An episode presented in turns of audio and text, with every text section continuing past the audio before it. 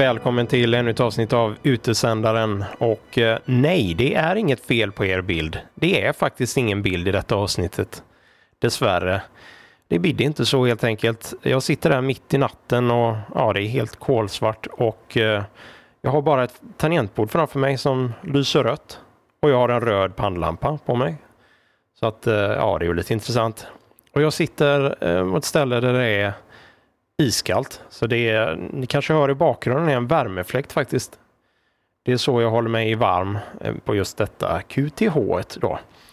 Och ja, jag tänkte lite med det här avsnittet att eh, jag har ju haft några avsnitt tidigare här nu då om eh, enkelt sidband och radiotelefoni, alltså röstsamtalet över radio. Så jag tänkte väl att det vore väl lämpligt att komma ut med ett sånt här avsnitt där jag då kommer att ställa frågan vad ni tycker, eller rättare sagt då om det kan vara intressant för er då att eh, utesändaren eh, kanske inte, inte uteslutet blir då, men att utesändaren blir även en podcast.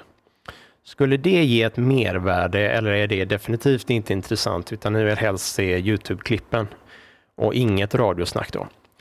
Jag hade ju lite sådär funderingar redan när jag började med den här Youtube-kanalen att eh, en podcast skulle man göra. Det är ju liksom det är rätt så radiorelaterat, det är ett radioprogram liksom, som handlar om radio då. Det hade ju varit ganska logiskt. Men eh, jag bestämde mig ändå för att göra video istället. Det är det jag gjort tidigare så det blev på det viset. så. Utan eh, ja, jag har faktiskt gjort ett podcastavsnitt tidigare, men då till den här engelskspråkiga kanalen Mike Out.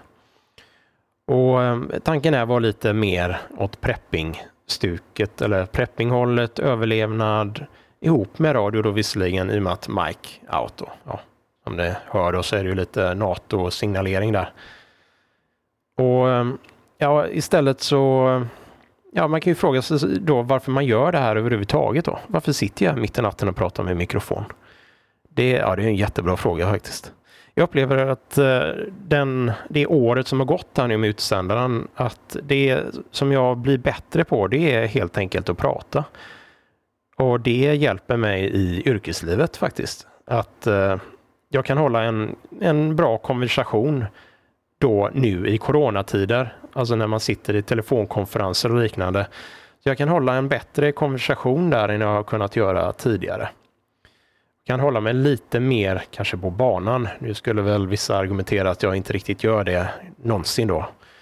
Och Det är ungefär som det här avsnittet. Det var ju bara, bara, egentligen bara en fråga om, om ni tycker att podcast är intressant eller ej. Då.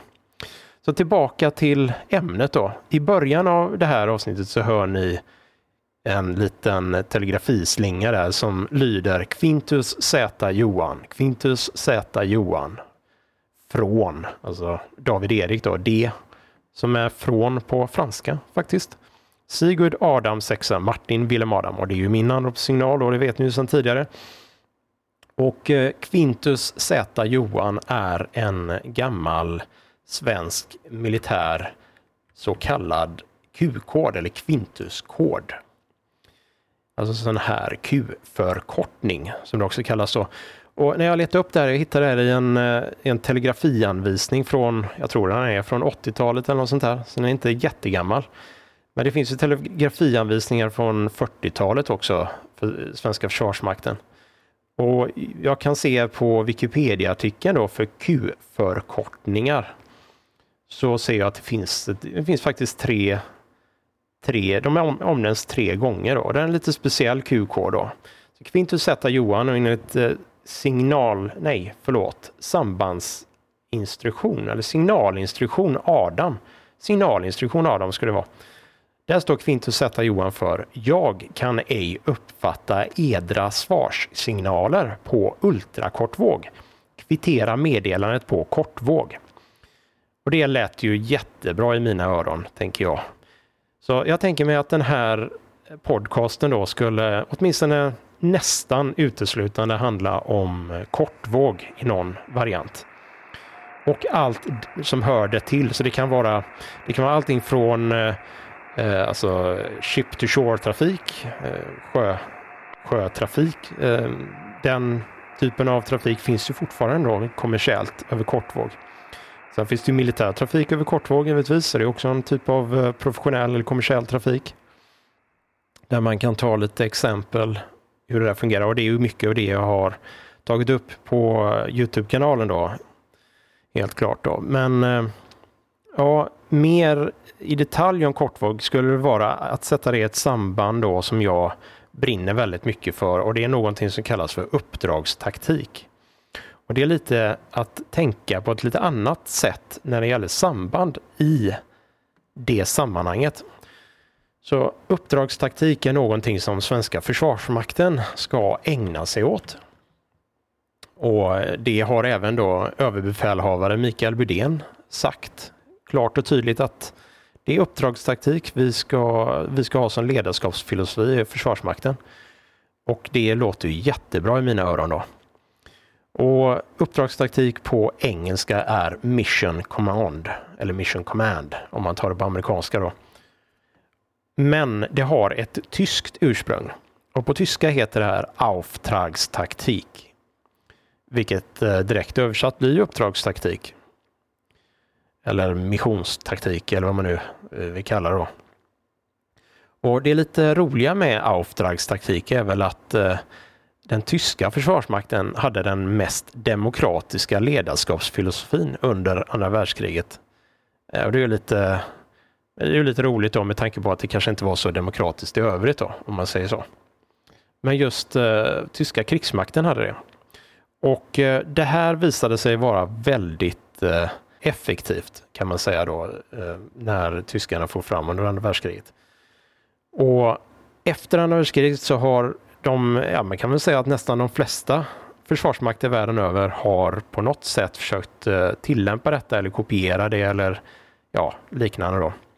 Framförallt har israeliska försvarsmakten eh, tagit sig an detta med, har lyckats väldigt bra med detta då. Svenska försvarsmakten körde det här så vitt eh, jag är informerad om då, speciellt under den tidigare delen av 1900-talet, alltså innan andra världskriget faktiskt då. Enligt uppgift. Nu är inte jag någon expert på ämnet då, utan jag råkar bara gilla ledarskapsfilosofin eftersom den ger stora friheter samtidigt som man måste ha ansvar och först och främst då kompetens. Och det är ju någonting jag trycker på på den här eh, Youtube-kanalen då.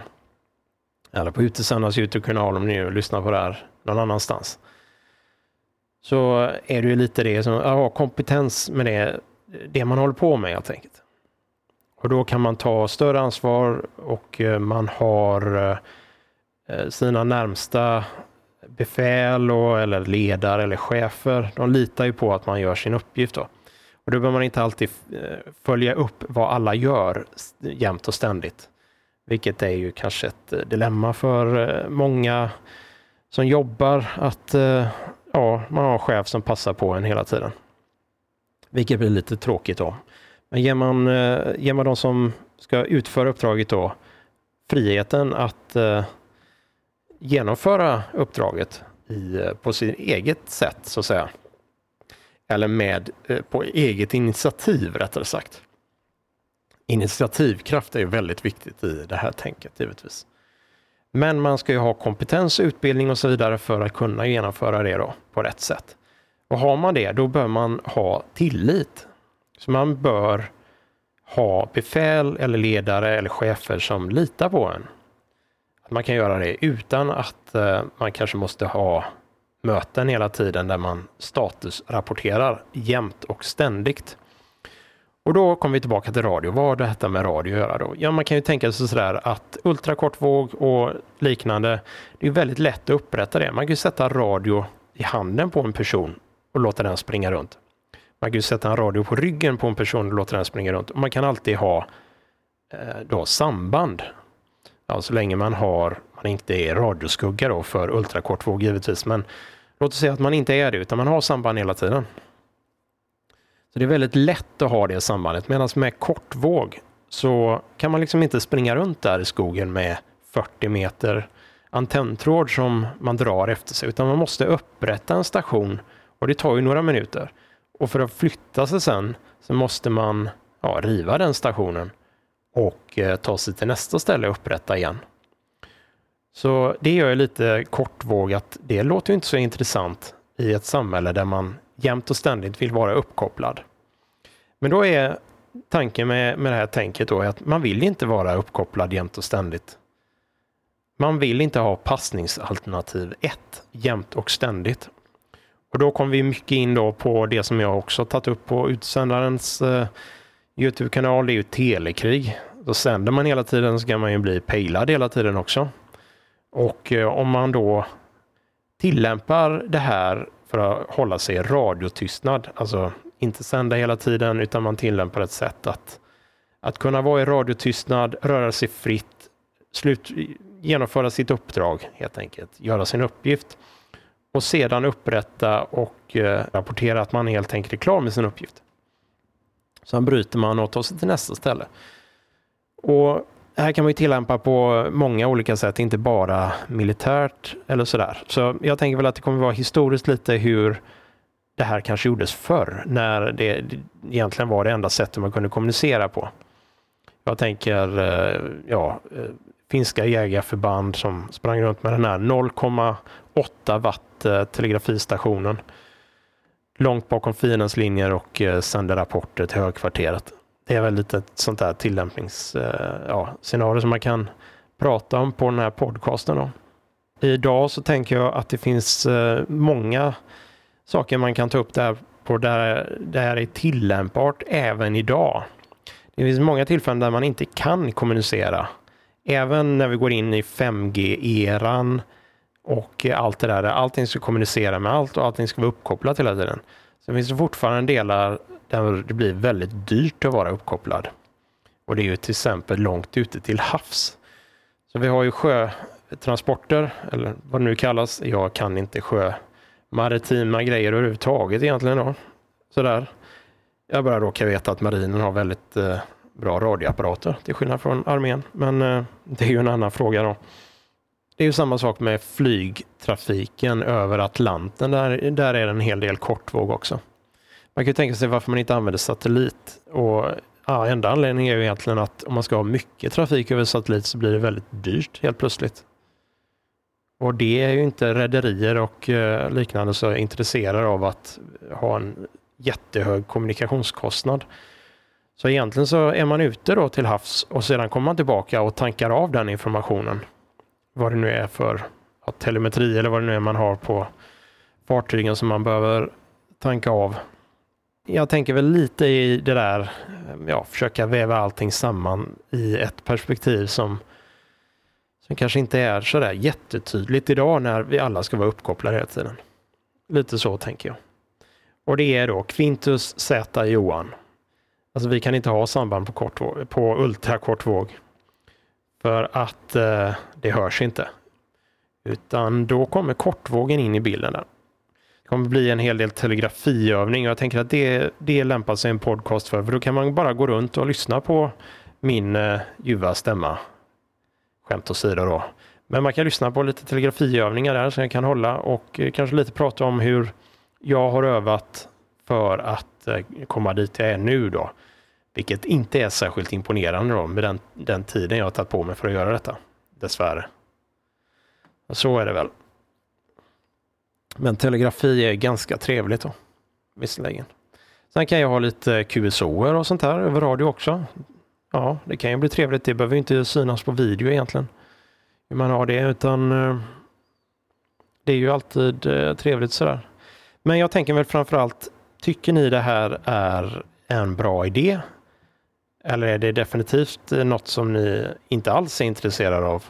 Utan vill hellre se Youtube-klipp då? Så tyck till i kommentarsfältet nedan. Och eh, ja, eller eh, ja, ni kan mejla mig också. Hitta e-postadressen på omsidan på kanalen. Det finns en sån här affärskontaktslänk där någonstans som man kan klicka fram och så kommer mitt, min e-postadress fram där. Då. Så trots att jag inte har varit i rutan då, ni kanske slipper se mitt fula nylle faktiskt, det kanske har varit alldeles utmärkt då. Men ja, jag får tacka för att ni har lyssnat och eh, till nästa gång så säger jag i vanlig ordning 73 slut. Klart slut. This is Shannon Volmet. Shannon Volmet. Santa Maria, ticket number 5, valid until 1200 Zulu.